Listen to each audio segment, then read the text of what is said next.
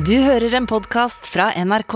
Jeg tror jeg sa det den dagen statsbudsjettforslaget ble lagt fram, at eh, det er nesten en av de begivenhetene i året jeg ser minst fram til. Fordi det er jo en helt uhåndterlig mengde dokumenter og så mange detaljer å sette seg inn i på så kort tid, så man risikerer egentlig å bare bli stående som en idiot i midten av politikerne, som også har hatt altfor kort tid til å lese opp på hva budsjettet egentlig innebærer. Og er ikke stort bedre når det blir budsjettenighet på en dag som uh, i dag. Det er uhorvelig mange detaljer å sette seg inn i, selvfølgelig mye mindre enn i uh, selve forslaget til det store statsbudsjettet, men likevel. Så som redaksjon så fant vi tidlig ut, og jeg var veldig uh, overbevist om at det er ikke riktig å bare invitere, gi en uh, sånn åpen invitasjon til partiene å komme og diskutere forslaget til statsbudsjett, for da fyker det i alle mulige retninger, og hvert parti kommer med hver sin agenda til torgs. Så det var riktig og egentlig veldig nødvendig for at det skal bli forståelig, og at det skal bli forståelig TV av det, ikke minst, å spisse og velge bort. Og da var det jo ett tema som har gått igjen i det siste, og det er eh, nyfattigdommen i Norge. Så da eh, bestemte vi oss for å se etter hva gjør de mot nyfattigdommen. Og Det er det denne debatten skal eh, handle om. I januar og februar tjener stortingsrepresentantene som nå har vedtatt statsbudsjettet for neste år, like mye som de mener en minstepensjonist skal klare seg på i løpet av et helt år. Det vil si, stortingsrepresentantene tjener 177 386 kroner på to måneder, mens minstepensjonisten bare får 173 025 kroner i året, ifølge faktisk.no. Vel møtt til debatten. Gifte og samboende minstepensjonister får ikke en krone mer etter at SV og regjeringen ble enige om neste års eh, statsbudsjett. Enslige minstepensjonister derimot får 4000 kroner mer, så i stedet for 209 500 kroner klatrer den enslige minstepensjonisten helt opp til 213 500 kroner i året. Milevidt under EUs fattigdomsgrense. Audun Lysbakken, velkommen. Takk. Vet du hva SSB sier utgiftsøkningen for minstepensjonistene har eh, vært, vært på det siste året? Nei, men uh, Prisøkningen har vært veldig stor, så det tror jeg alle som ser på, kjenner på. og Det betyr at lønn, og trygd og pensjoner blir mindre verdt, uh, rett og slett. Fordi det folk er avhengig av, blir dyrere. Ja. 8000 kroner er svaret for en minstepensjonist fra, det er svaret fra SSB, og dere gir altså 4000 kroner. Hva skjer da med ja, eh, veksten til minstepensjonistene i eh, år og neste år? Nei, Det er jo trangt for de som har minst i Norge. Det er derfor vi i dag har eh, lagt fram et eh, forhandlingsresultat hvor SV har brukt vår makt til å øke bl.a. minstepensjon. Men jeg er den første til å si at det burde vært mer. I SV sitt alternative budsjett foreslår vi større økninger i minstepensjonen, men vi må jo bruke den makten vi har til å komme så langt vi kan. Så det var så langt makta gikk, da? Ja, men det er det jo. Altså, sånn er jo demokratiet. Vi fikk 7,6% og vi bruker den så godt vi kan. Og, og, da har vi økt mange ytelser i dette budsjettet. Vi har vist at vi prioriterer mest til de som har lite. Men det er jo langt igjen før vi får den rettferdige fordelingen vi trenger i Norge. Hvorfor sier du da som det første du uh, sier faktisk etter budsjettenigheten jeg er veldig fornøyd med det SV har fått på plass i forhandlingene med regjeringen. Du kan jo ikke være fornøyd med at minstepensjonistene i dette landet taper kjøpekraft med 4000 eh, kroner. Nei, og det har jeg aldri vært fornøyd med. Derfor har vi alltid jobbet for høyere minstepensjon og lavere stortingslønn for øvrig. Eh, men eh, det jeg sa jeg var fornøyd med, var det vi hadde fått på plass. og ting som går i riktig retning. Det er det lov å være fornøyd med, så lenge du ikke da innbiller deg at noe er alt bra. For det er det ikke. Vi må komme videre. og Det skal jeg love alle som er opptatt av dette, at vi skal bruke hver eneste forhandling vi, til å prøve å få mer rettferdig fordeling i Norge. Og I pressemeldingen fra SV i dag står det at dere har fått på plass en stor dyrtidspakke med mer til minstepensjonister, uføre, barnetrygd, bostøtte og dagpenger. Over 3 milliarder kroner skal dette beløpe seg til. Hvor mye var det SV foreslo opprinnelig at dyrtidspakken skulle koste? Det var vel oppe i 11, eh, tror jeg, men inkludert noen velferdsreformer som også er på plass her. Så hvis du tar med deg gratis skolefritidsordning, billigere tannhelse, så er vi vel på fire i dette forliket. da. Mm. Ja. Men, men, det er klart, det er jo selvfølgelig mindre enn det budsjettet som vi ville vedtatt hvis ja, vi hadde makten alene, og som vi foreslår i Stortinget. Så det som kommer i dag, er et kompromiss, rett og slett. Ja, det er en tredel av det jeg leste meg til. 8,6 milliarder definerte dere det at denne dyrtidspakken egentlig skulle koste. Så det var jo det SV mente i alternativt eh, budsjett. Så må jo ha vært det SV mente måtte til for at disse gruppene ikke skulle få det veldig mye verre, da. Det er helt riktig. Og det er, jo, sant, sånn det er jo det vi mener burde vært vedtatt. Men så er det jo sånn at et alternativt budsjett det gir jo ikke en eneste krone til noen. Eh, jeg kan jo sitte der med mitt eh, veldig fine eh, budsjett som ikke blir vedtatt, så vi må også prøve å få til noe. og Derfor vil vi jo prøve å få til en avtale og inngå kompromisser med andre partier, sånn at vi kommer et stykke på vei. Og Vi har jo denne praten nettopp for å utforske hva SVs velgere får igjen for den strategien partiet ditt har valgt, nemlig å stå utenfor regjeringen. Så Det er det vi egentlig snakker om. Og Da vet vi at dyrtidspakken mente SV skulle koste 9, trengte å koste 9 milliarder, og den koster til slutt 3. Det vi vet, er jo at eh, SV har eh, fått flyttet på betydelige penger i, dette forliket. Sørget for at veldig mye av det kommer til folk som har lite. Eh, så vet vi også at hvis SV hadde hatt makten alene, så hadde det vært mye mer omfordelende. Jeg tror ikke du kan slutte ut fra det hvis jeg forstår det sånn at hvis SV hadde gått inn i regjeringen, så hadde det blitt Nei, det det, jeg, jeg, nei for jeg tror, har, jeg tror, vi greier å påvirke dette mer fra den posisjonen vi har nå. Men det, det, men det er jo det er kanskje ikke er verdens, ja, det er ikke ja, verdens mest interessante diskusjon. Uføre, vet du. De lever på en minstesats på 250 000 kroner. SSB sier at deres utgifter har økt med eh, 10 000 kroner i år.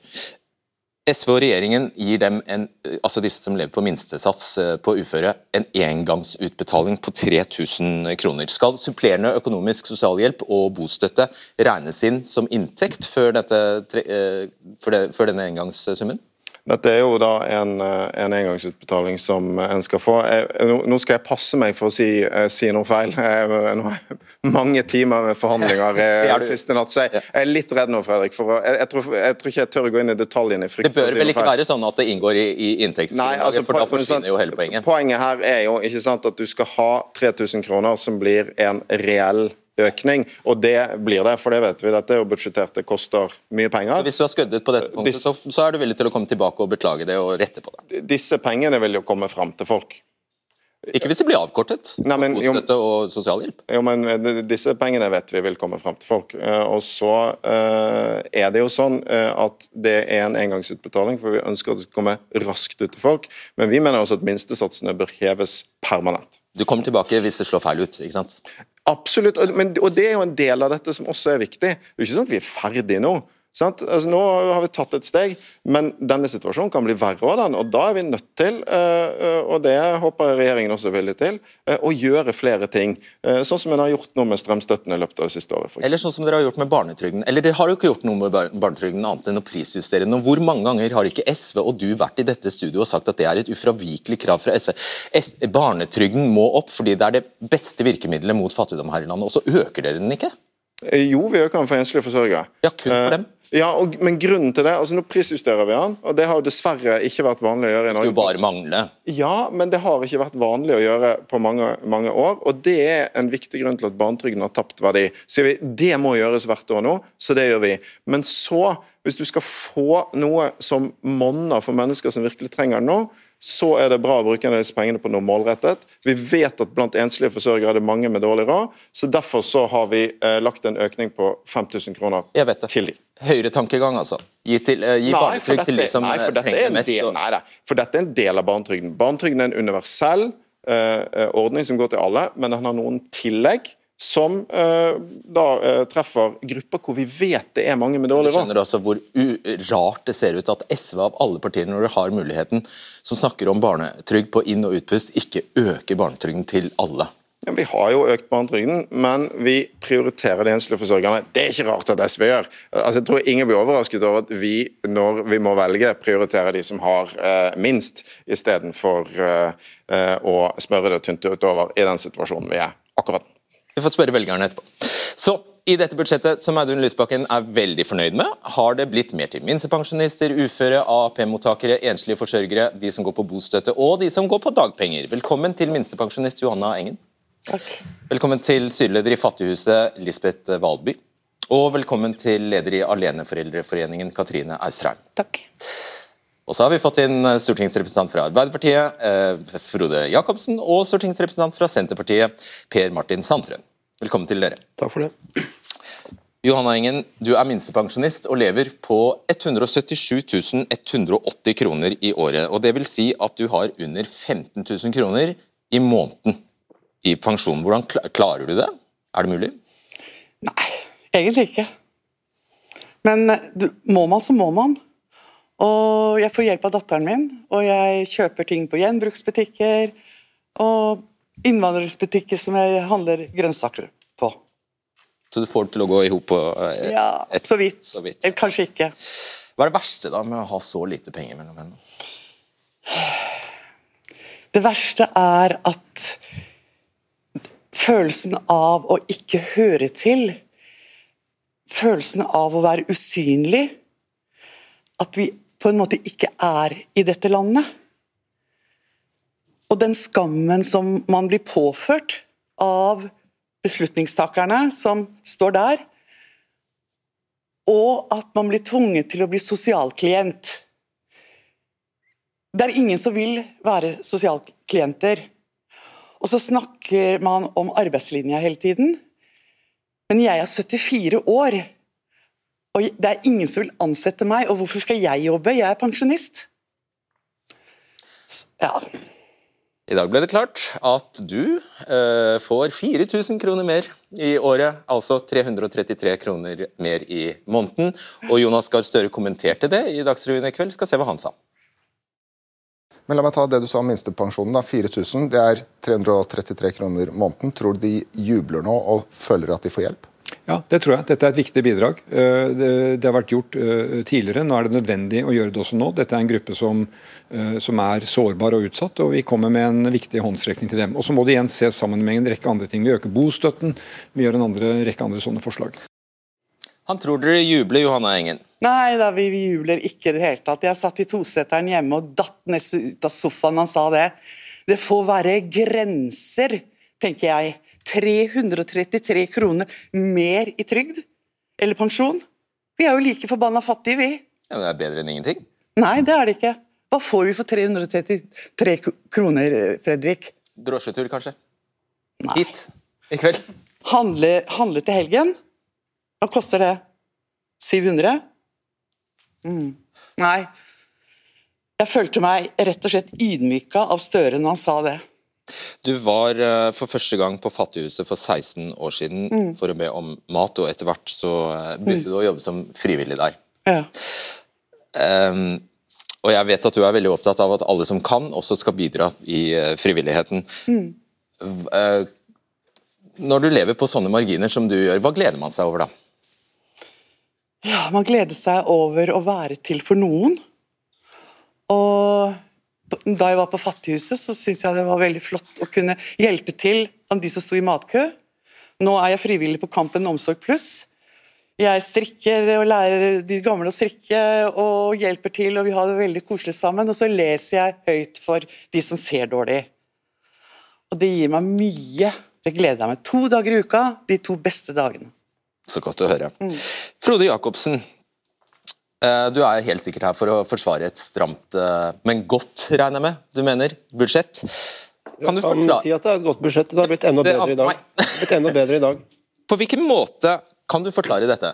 Og Ikke gjør det langt, ikke gjør det vanskelig, men bare forklar på en så eh, enkel måte som mulig hvordan det skaper inflasjon, for det er jo det dere er aller mest redde for, inflasjon og dermed renteøkning. Hvordan skaper det inflasjon å gi landets minstepensjonister mer enn 177 000 kroner å leve for i året.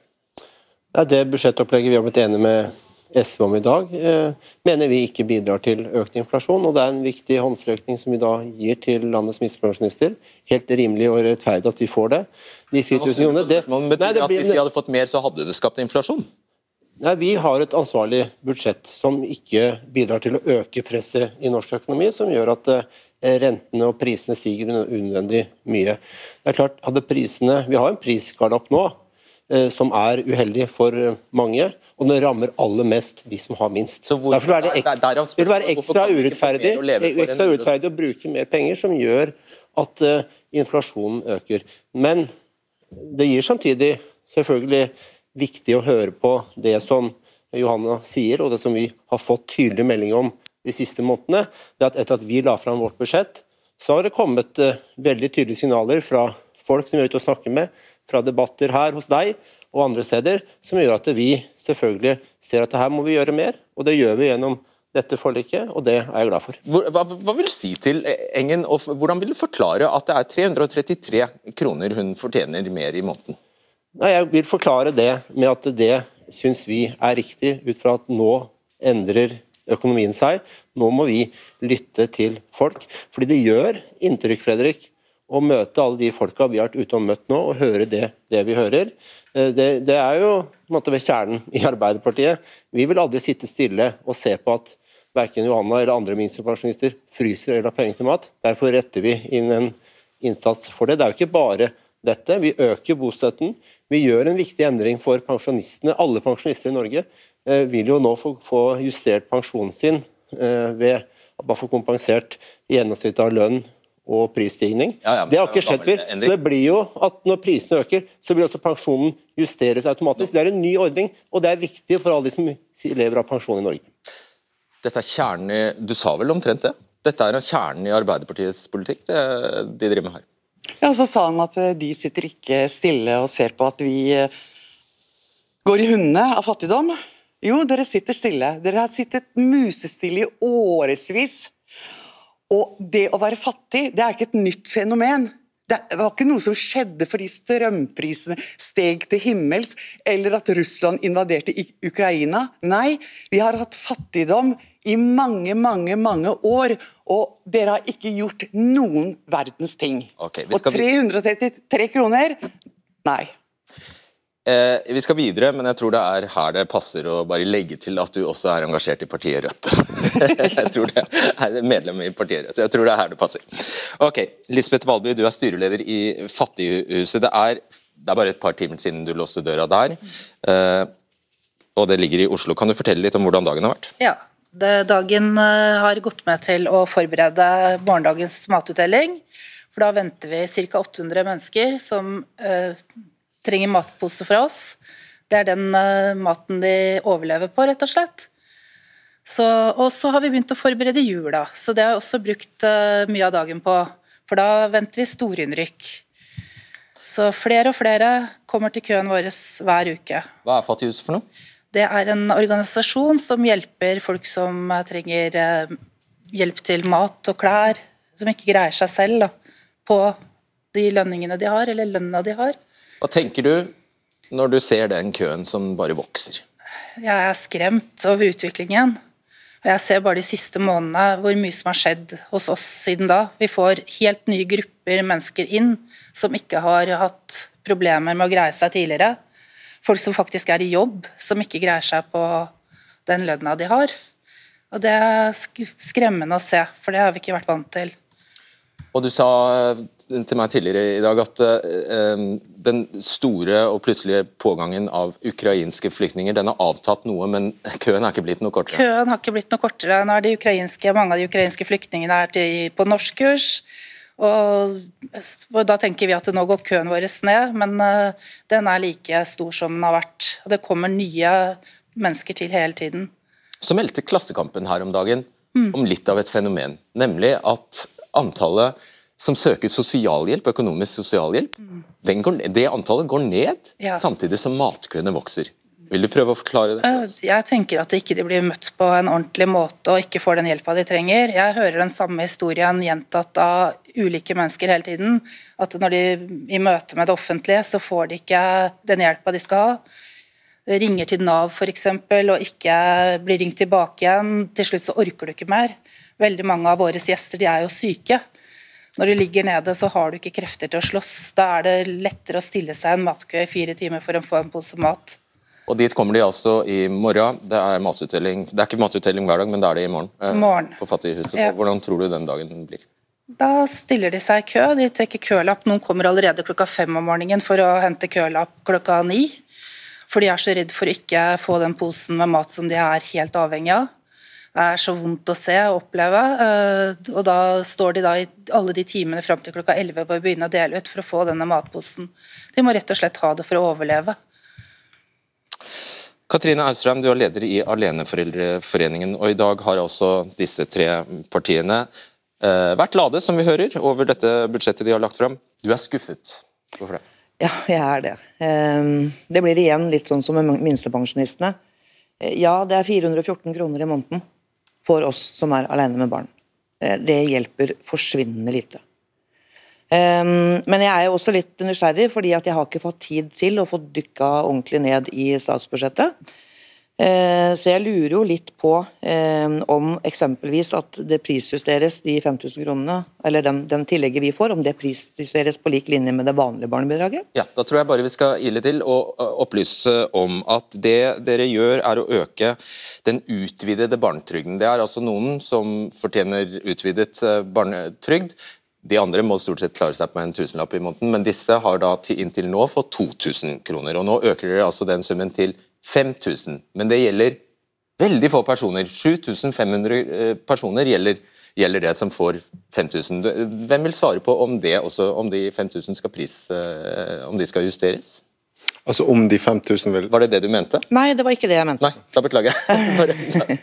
Nei, etter, etter, det jeg har forstått, da, så vil jo alle få Altså alle aleneforsørgere vil få 5000 kroner mer i året i barnetrygd. Mm. Eh, men det jeg sa var at når man deler det opp på måneder, så er det ikke så veldig mye. Men det jeg lurer på, det er jo om det tillegget vi får, om det prisjusteres også, sånn som den normale barnetrygden gjør. Sånn, ja. Eh, det fant jeg ikke noe sted, så det, det er jeg ikke du... Eh, sikker på. Ja, altså, ja, altså Det normale tillegget blir jo prisjustert, og så kommer de, de 5000 kronene. Så om det da blir prisjustert i årene som kommer mm. um, uh, Det vet jeg ikke om jeg kan svare deg på, uh, men det må det jo gå an å finne ut. Uh, men prisjustering av barnetrygden som sådan er jo en utrolig viktig ting. En av grunnene til at den har blitt så mye mindre verdt over tid, er jo nettopp okay, det. Siden du ikke vet, skal vi la ordet Vet du? Altså Det som gjøres eh, neste år, det vedtar vi jo nå. Og hva som gjøres eh, i åra framover, det må vi jo komme tilbake til. Eh, og, om, og nå, nå, prisjusteres barnetrygden neste år, og det er bra. Det trengs. Og så gjør vi et annet en, så det, endring på Man kan risikere at disse 5000 bare smuldrer hen ettersom prisen Jo, men ingen, ingen, ingen, kan jo garantere, ja. ingen kan jo garantere hvordan budsjettet for 2024 og 2025 blir, men vi gjør også en annen endring på, for barnetrygden på enslige forsørgere. Vi gjør en omlegging der som gjør at enslige forsørgere med barnetrygd vil få mer neste år, og med det 5000 i tillegg, så blir det enda mer. Treffer det deg? Nei, det treffer jo ikke. Det hjelper jo ikke vanvittig. Um, når det er sagt, da, så må jeg jo si at jeg syns det er fint at de nå har ivaretatt uh, nå over flere år den yngste gruppen med barn. Uh, og dette viderefører dere jo nå i forhold til uh, SFO og andreklassingene også. Men jeg lurer jo veldig på når man skal ta tak i de barna som er over andre klasse. da. Tidligere var det over seks år, nå er det over andre klasse. Det er jo ikke sånn at det blir billigere å ha barn jo eldre barna blir. Nei, og der er For, uh, for oss som ikke, ikke har, de, har, disse barna, der, der, står det helt bom stille da, etter andre, andre klasse. 1000 mm. kroner, er det vi snakker om da? Det jeg snakker om er at det hele tiden lages ordninger for de minste barna, og det er fint. Fordi man har gått ut og sagt at det er de som har minst barn, som har dårligst råd. Mm. Men vi kjenner jo våre medlemmer. Vi kjenner aleneforeldre i Norge og vet at dette stemmer ikke. Det er godt mulig at det stemmer på totalen av foreldre, men ikke på aleneforeldre. Og det å sitte med alle kostnadene alene, det er ganske heavy, det. Mm. Og dette, uh, Jan uh, Per Martin Sandtrøen, det, uh, dette har dere kalt denne omleggingen av systemet, altså barnetrygden. Det har dere ble omtalt i statsbudsjettet, altså forslaget til statsbudsjett fra dere, som mer rettferdig støtte til enslige forsørgere. Det dere da egentlig teknisk sett har gjort, er å ta særfradraget fra du mener det er så mange som 220 000 aleneforsørgere? Vi er ca. 222 000 mm. aleneforsørgere i Norge. De hadde altså et særfradrag i skatten, disse 220 000. Og ifølge deg så har de da bare tatt de pengene og gitt dem til 7500 aleneforsørgere i, i stedet. Kan du bekrefte at det er, det er, riktig? Jeg kan ikke på stående fot uh, bekrefte det den tolkninga di der, nei. Eller det du beskrev. Det snakker om i det hele tatt. Ja, altså vi har utvida barnetrygda for enslige forsørgere med 5000, ja. Eh, og nå, Det der var et veldig detaljert spørsmål, og da må jeg komme tilbake til deg med det. Jeg lurer jo også på om dette omleggingen, om den fortsatt står sånn som den ble nevnt. Fordi hvis vi skal miste da særfradraget vårt på skatten, så blir de 5000 kronene rimelig fattigslige. Da går vi i minus alle Vet du det? Vet du svaret er på det? flere elementer her som vi gjør nå. ja. Ja, sant? Den omleggingen av barnetrygden eh, for enslige forsørgere det gjør at eh, man vil sitte igjen med mer penger neste år enn man gjør i år. Eh, Det er en teknisk eh, omlegging, men det resultatet, er, resultatet er det som betyr noe. Det er at folk som, som du og andre vil sitte igjen med mer penger. Det er slik som vi har forstått det. Men i tillegg nå så gjør vi jo dette som vi da sier nå, med øke for, for enslige forsørgere med 5000 kroner i et sånt spesialtillegg som, som Audun snakka om. Og så er jo disse andre tingene som du også nevner med SFO, viktig universell ordning. Alle med første- og andreklassinger får nå gratis SFO i kjernetid. Eh, og vi gjør det på barnetrygden, prisjusterer den. Så det er en pakke som, med ulike elementer som slår inn positivt. Og så kan vi selvfølgelig alltid snakke om at vi må gjøre mer for å få til mer, og det er vi selvfølgelig opptatt av. Vi snakker snakke om at dere flagger dette som en rettferdig endring, og så sjekker vi hvor, Ja, og det mener jeg at det hvor er. rettferdig den egentlig er. Skjønte du hva han sa? Nei, jeg skjønner det faktisk ikke. Eh, Fordi jeg har ikke fått noe klart svar på om det særfradraget fortsatt skal fjernes. Det vil jeg gjerne ha et svar på. Vet du? Ja, altså, uh, Dette var jo det budsjettet regjeringen la fram tidligere i høst. Men sånn som jeg uh, forstår den uh, endringen, så har man da flyttet de pengene fra et fradrag som du jo må ha en viss inntekt for å få, ikke sant? og så over i en ordning som alle skal få. Ja. Eh, så øh, da vil jeg tro, men dette var jo ikke vi som la fram det, men det er klart at da vil du få en veksling hvor noen vil få mer, andre vil kanskje få mindre. Men så har vi nå i tillegg da Nødvendigvis med andre får mindre, hvis dere ikke legger på veldig. ja, men, men da vil det jo i utgangspunktet være da noen som har mer enn de som får. ikke sant? Men så har vi nå lagt til eh, et tillegg som alle skal få, som endrer det regnestykket eh, med de 5000 som nå kommer.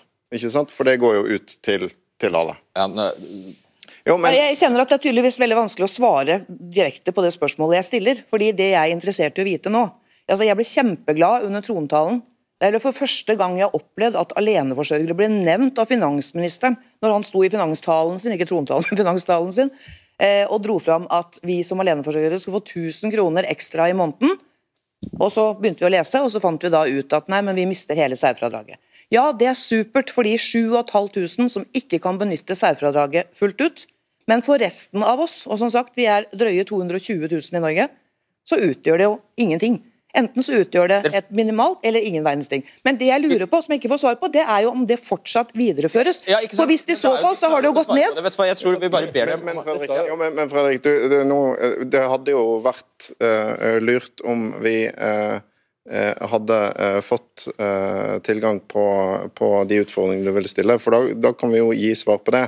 Men det er en del detaljer som jeg ikke nødvendigvis har med meg. Men sånn som jeg eh, tror dette, det er ikke gjort noe i forliket i dag med det særfradraget. Det eneste som er gjort som har kommet i dag, er det er, 5000 kroner ekstra. som sier, Men- da forsvinner det fradraget for over 200 000 eh, personer. Jo, men ja, og så er pengene brukt eh, på eh, å øke barnetrygden. Sånn at da, Det er riktig, da vil noen tape, og noen vil vinne på det. Men okay. akkurat tallene for det, de fins. Men, men Dere er for så vidt unnskyldt at dere ikke kan detaljene med det, men jeg skal, må også bare si det at dere visste nøyaktig hvem som skulle komme hit i kveld. Og dere visste at Aleneforeldreforeningen skulle komme, og at dette var en problemstilling de naturlig nok ville være opptatt av. Da. Det vil jeg bare legge til.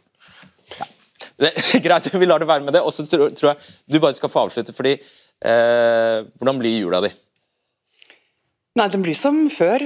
Datteren min kommer fra Fredrikstad, og vi skal ha det koselig med pinnekjøtt og, og som hun eventuelt da må spandere på mora si. Det burde jo vært omvendt, tenker jeg da. Og barnebarnet mitt skal feire alternativ jul. Han vil ikke ha julepresanger. Ok. God adventstid til dere. Takk. Takk. Uh, og dere skal nå få bytte plass med opposisjonen på Stortinget her, som er representert ved Henrik Asheim fra Høyre, Hans Andreas Limi fra Frp og Marie Sneve Martinussen fra Rødt. Eh, og Ut fra kommentarene å dømme på nrk.no Fredrik Solvang, så er det mange som endelig har skjønt at statsbudsjettet det er ikke bare en haug med digre tall, men det handler faktisk om hvor full eller tom lommeboka vår skal være, ifølge politikerne. Og du kan delta i diskusjonen nå. Henrik Asheim, finanspolitisk statsperson for eh, Høyre. Dere satt i åtte år med ansvaret. Eh, Etter åtte år med ansvaret finner dere plutselig ut at det er en god idé å øke barnetrygden med, med 3000 kroner. Trakk det opp av eh, hatten. Hvorfor skal den barnetrygden spres utover alle foreldre i Norge?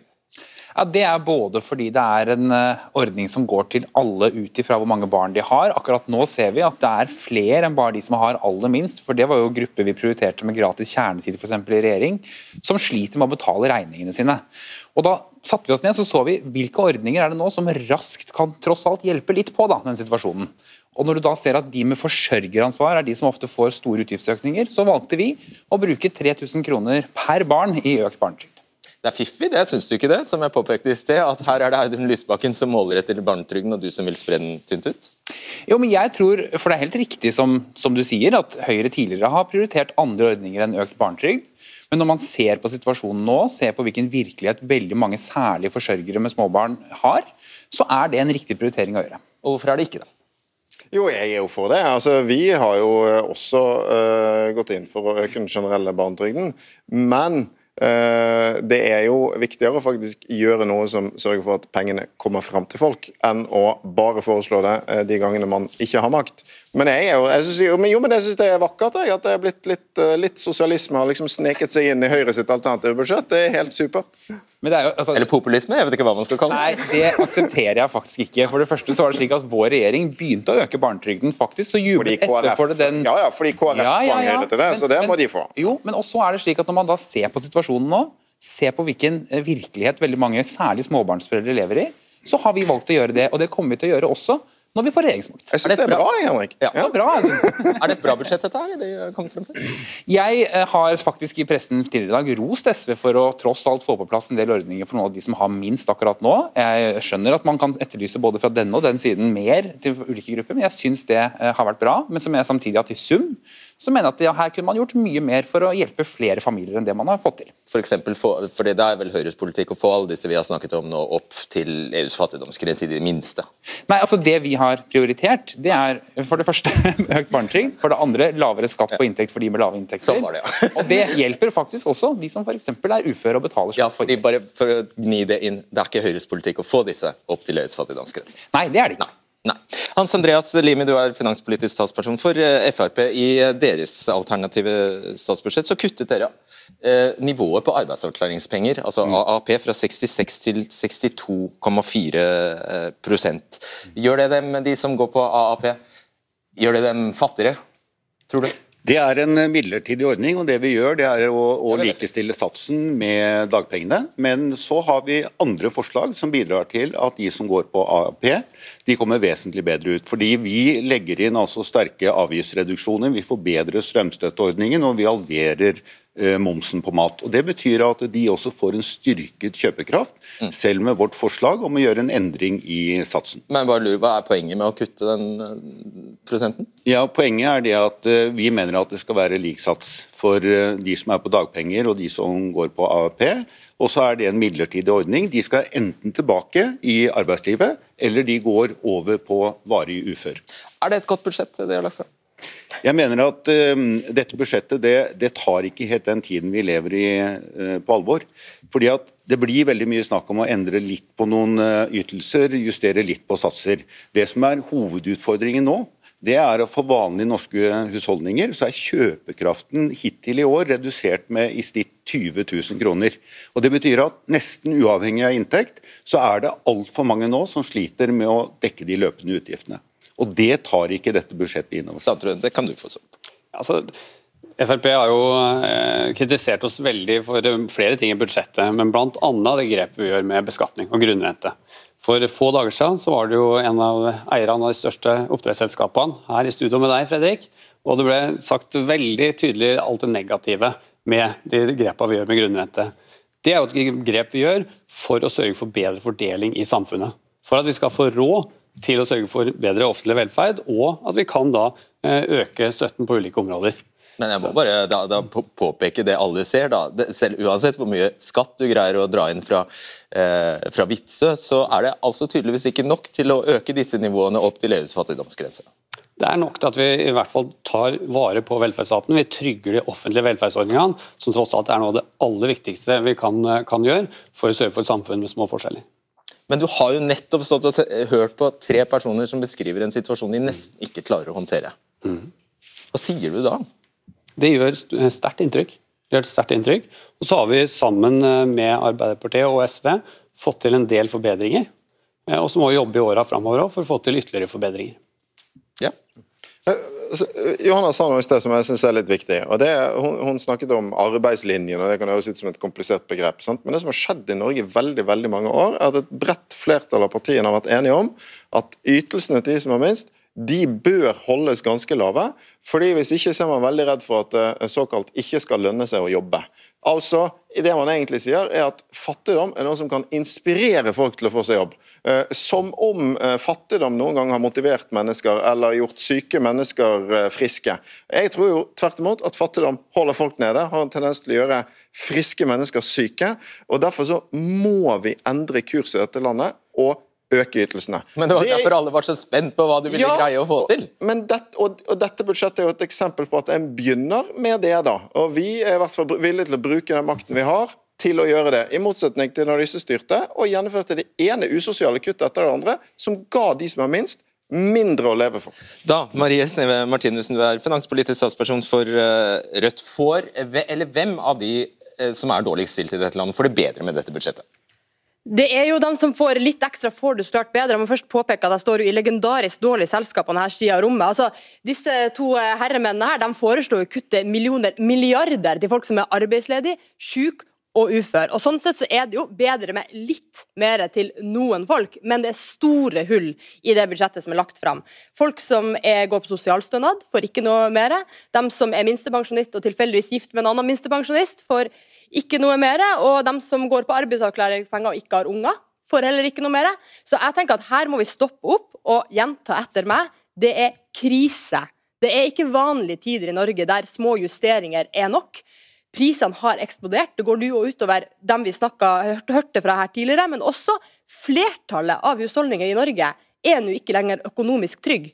Vi må ha mye sterkere tiltak, både for å sikre inntekter til folk, men også få kontroll over prisene. Så jeg Tiltak i Rødts bok, da. Altså, Vi har jo foreslått å øke alle de ulike stønadene som folk er på, med 12 000 kroner i året til neste år. Eh, Det er, gjelder både minstepensjonister, AAP, sosialhjelp og uføre. Men i tillegg så mener vi jo at det, vi ser nå helt vanlige folk i helt vanlige jobber som går og henter matposer. Det betyr at vi må også gjøre noe for dem som er i jobb, dem som ikke går på stønader. Da har Rødt foreslått å kutte i kollektivprisen, gjøre tannlegen billigere, kutte i barnehageprisen. Alt som kan kutte i regningsbunken. Og det er det jeg håper vi kan være enige om de guttene der og meg, er at dette er første etappe i en stafett der vi må gjøre mer og mer og mer for hver måned som går. Fordi renteøkninga den ligger og venter på folk til romjula. Det er da folk får den effekten i nettbanken sin, i romjula. Da må vi ha svar. Første etappe er å sikre økt sosialstønad til folk før jul. Rødt har foreslått 1000 kroner ekstra på desemberutbetalinga. Det kan man finne ut av denne uka. Få pengene ut før jul. Og så må vi gjøre mer når vi kommer tilbake i januar. Hvorfor er det en dårlig idé? Ja, Det er en dårlig idé først og fremst fordi det vi burde prioritere uh, å få til nå, det er å hjelpe flere av de som står utenfor arbeidslivet inn i jobb. Og En av de tingene som skuffet meg når jeg så budsjettforliket, det er at de kuttene som disse to gutta har gjort på arbeidsmarkedstiltak, altså lønnsstøtte, hjelp til å komme i arbeid, som for mange av de som står utenfor er det viktigste både i hverdagen deres, men også for å øke levestandarden, fikk ikke én krone mer. Og Det er noe pussig når vi har 250 000 mennesker utenfor arbeidslivet og 70 000 ledige jobber, og så gidder man ikke engang å bruke mer penger på å hjelpe noen av de som står utenfor, inn. Det vil være én av veiene til å få økt kjøpekraft og bedre økonomi. Jakobsen. Ja, Vi gjør mye mer i dette budsjettet her enn det Høyre gjør i sitt budsjett. Høyre har jo lagt fram et budsjett endelig som er klar høyrepolitikk. Det er skattelette til de med store formuer, som betales av, helt så riktig som Marie sier, av de som går på arbeidsavklaringspenger, eller som har vært arbeidsledige, kommet i jobb og da ikke skal få feriepenger neste år. Men jeg er enig, vi skal gjøre mer. Vi gjør mye, men allting lar seg ikke gjøre over natta. Dette er en god start, det er en riktig start, eh, og vi viser retning for det vi skal gjøre. Vi ønsker en større omfordeling, et mer rettferdig Norge, og dette er jeg glad for at vi da sammen med er SV nå det, var dette bare en test, liksom? Du har jo bare tre sjanser igjen. Nei, det er Nei, altså Det å lage budsjett, det, det tøyser vi ikke med, Fredrik. Det er på en måte veldig alvorlig. Det tror jeg alle, alle start. Ja, selvfølgelig er det en start. Altså, tiden, tiden går jo og utvikler seg i en litt dårlig retning akkurat nå, med priser. Ja, og det aller verste Det er jo nå de trenger hjelp. Nødhjelp skal Ja. under 12 000. Ja, Det aller verste vi kan gjøre nå, er å gjøre ting som gjør at prisene fortsetter å galoppere. Det rammer de, de med fattigste mest. Husk at det, Vi snakket om minstepensjonister i stad. Veldig stor andel av minstepensjonister i Norge er fattige. Og Vi vet at de som rammes aller mest hvis eh, prisene øker, det er de som har aller minst, og som er dårligst rusta. Og det må vi gjøre noe med. Den politikken som føres nå, den eh, fører til eh, prisstigning og økt rente. Fordi Det som er utfordringen, det er ikke at det er bare de som går på sosiale ytelser eller offentlige ytelser som nå sliter. Det er langt, langt flere. Altså Det er 200 000 norske husholdninger som merker at de sliter med å dekke de løpende utgiftene. De må velge bort måltider. Da må vi gjøre noe for å lette deres situasjon. Og Det vi har spurt Finansdepartementet om, det er jo hvis vi gjennomfører en forbedret strømstøtteordning, hvis vi reduserer og fjerner drivstoffavgifter, hvis vi gjør noe med avgiftsnivået, hvordan påvirker det prisveksten? Og Det de svarer er at det vil senke presset på prisene. Og Det vil igjen gi mindre grunnlag for å justere opp renten. Så Det er et mye større problem enn bare å isolere det til de som mottar offentlige ytelser. De sliter, men de vil også nyte godt av at vi får dempet utgiftsveksten. Altså, Marie og Rødt sa noe klokt i sted. og det er at For de som har minst i Norge, så er det krise. Og Det betyr at uh, de minste ytelsene, minstepensjonen, minstesatsen for uføre, arbeidsavklaringspenger Den burde vært økt mye mer enn det som kommer i dag. Så er bare problemet at det hjelper ingen på sosialhjelp eller ingen på uføre minstsats at eh, SV og Rødt har utrolig gode alternative budsjetter på det, som ikke blir vedtatt. Eh, så Derfor må vi også sørge for at det er noe som blir vedtatt. og Det er ingen eh, motsetning, tror jeg, mellom å både presse på for mer, for å endre politikken, for å påvirke de andre partiene, og så samtidig være villig til å inngå noen kompromisser som gjør at noen penger faktisk kommer fram. Vi prøver å gjøre begge deler. Og så tenker jeg at Utfordringen til høyresiden er jo at ja, nå har, dere, uh, nå har dere kommet med litt barnetrygd og sånn, men det dere har brukt høsten på, er jo å delta i klagekoret til de rike i dette landet, som altså har greid å lage en samfunnsdebatt som får det til å se ut som om milliardærer som eier lakseselskap, er de som har de største problemene i det norske samfunnet. Det var jo ikke før fattigdomsdebatten endelig dukket opp i det studioet her, at det eh, begynte å snu, men denne høsten var i ferd med å utvikle seg til en skandale, hvor de rike sin skatteklaging overdøvet alarmen fra de fattige. Det er en dypt urimelig påstand. For det første så er det helt riktig at vi er opptatt av å også ha arbeidsplasser i framtida. Derfor er vi opptatt av de vilkårene. Men når vi lager et alternativt budsjett som sammenlignet med det budsjettet de lager, la fram, ville gitt en helt vanlig småbarnsfamilie med normal inntekt 400 000 på hver 8000 mer å rutte med. Så gjør ikke det at alle utgiftene er dekket inn, men det gjør det litt lettere. Så har du Audun, lagt inn noe på f.eks. enslige forsørgere. Veldig fint. Men vi har altså et alternativt budsjett som gir mer til vanlige familier og til de som har minst, enn det disse gutta gjorde. Og Da kan man godt som slagord på de rike og alle disse tingene her, men hva er det som betyr noe i virkeligheten til folk rundt kjøkkenbordene hjemme nå?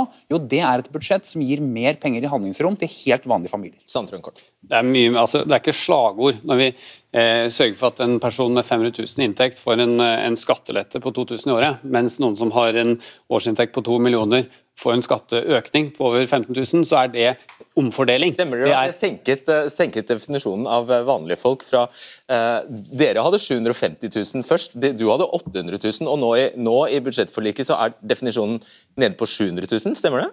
Nå brukte jeg et eksempel ja, på 500 000 her, Fredrik. Vi, vi, har ikke noe felles vedtak om hvem vanlige folk ja, da, da, det, er. Bare, og, og det er deres... For, null, verken, altså for verken skatteøkning eller skattesenkning, ikke sant? Det, ja, det er grensa på 750 000 fortsatt, så ikke jeg har lest de tabellene. Oh, ja, jeg trodde du mente det var sjef. Vi sjekker det etterpå. Greit. ok, eh, Martinussen. Altså, det er jo en god nyhet da på slutten av denne sendinga, og det er jo det at det har nesten aldri gått så bra som det gjør på toppen av norsk økonomi. Og noe av det problemene vi møter når vi er i matbutikken eller når vi snakker banken, er faktisk også at noen av pengene havner på toppen. Dagligvalemilliardærene har aldri blitt rikere. Bankene øker nå renta mer enn de må. Altså rentemargin, påslaget på renta du betaler, er høyere nå den var for ett år siden. Det er plasser der pengene forsvinner inn, og da foreslår Rødt å hente det tilbake gjennom økt selskapsskatt, ekstra selskapsskatt for finansnæringa, som kunne finansiert mange av de tiltakene vi foreslår uten å øke presset i økonomien. Mm, ingen, skatt, ingen skattelette står det i budsjettforliket. Ingen skatteøkning for inntekter over 700 000. Skatteletter for inntekter over 700 000, står det. Så da har dere jo det, senket, senket, lista for hva som er vanlige folk. Nei, altså jeg, jeg, er ikke enig i det. Den trinnskatten som da er lagt inn, den eh, skal ha den samme fordelingsvirkningen som tidligere, på at det er de med inntekter under 750 000 som får skattelette. Men jf. de folka vi hadde her før i dag, så er det jo skattelette for de som har aller minst, dem får mest skattelette, og det er riktig omfordelende, og det skal vi fortsette med. Det var det vi rakk. Beklager. Debatten er tilbake torsdag. På gjensyn. Ja, jeg tror det er på sin plass å legge til her at uh, selvfølgelig kan det oppleves litt urettferdig overfor uh, de utsendte politikerne at vi uh, konfronterer dem med detaljer i et stort budsjett. Vi pleier egentlig ikke å gjøre det. Vi pleier egentlig å gi dem eh, problemstillinger på forhånd. Og egentlig så trodde jeg at vi hadde gjort det denne gangen, men det kan hende at eh, det var vår feil. Så vi skal ta en runde her og se om det Kanskje vi skal ta det på vår kappe. Det det i hvert fall avdekte, var at det er vanskelig for uh, noen hver å sette seg inn i alle teknikaliteter, og ikke minst utslagene av politikken. Mens likevel, jeg vet ikke om jeg vil uh, unnskylde det. Altså, fordi det er jo nettopp det politikk De har jo den makten. At de skal kunne bestemme over oss. Det er jo det vi har gitt dem mandat til. Så um, ja. Det er aldri en hensikt fra vår side å uh, ta noen på senga på uh, en sånn måte som det egentlig tror jeg skjedde her. Så, så det skal vi, vi skal gå en runde og se hva som skjedde der. jeg tror ikke jeg skal si så mye mer enn det. vi høres på torsdagen. Ha det bra. Du har hørt en podkast fra NRK. De nyeste episodene hører du først i appen NRK Radio.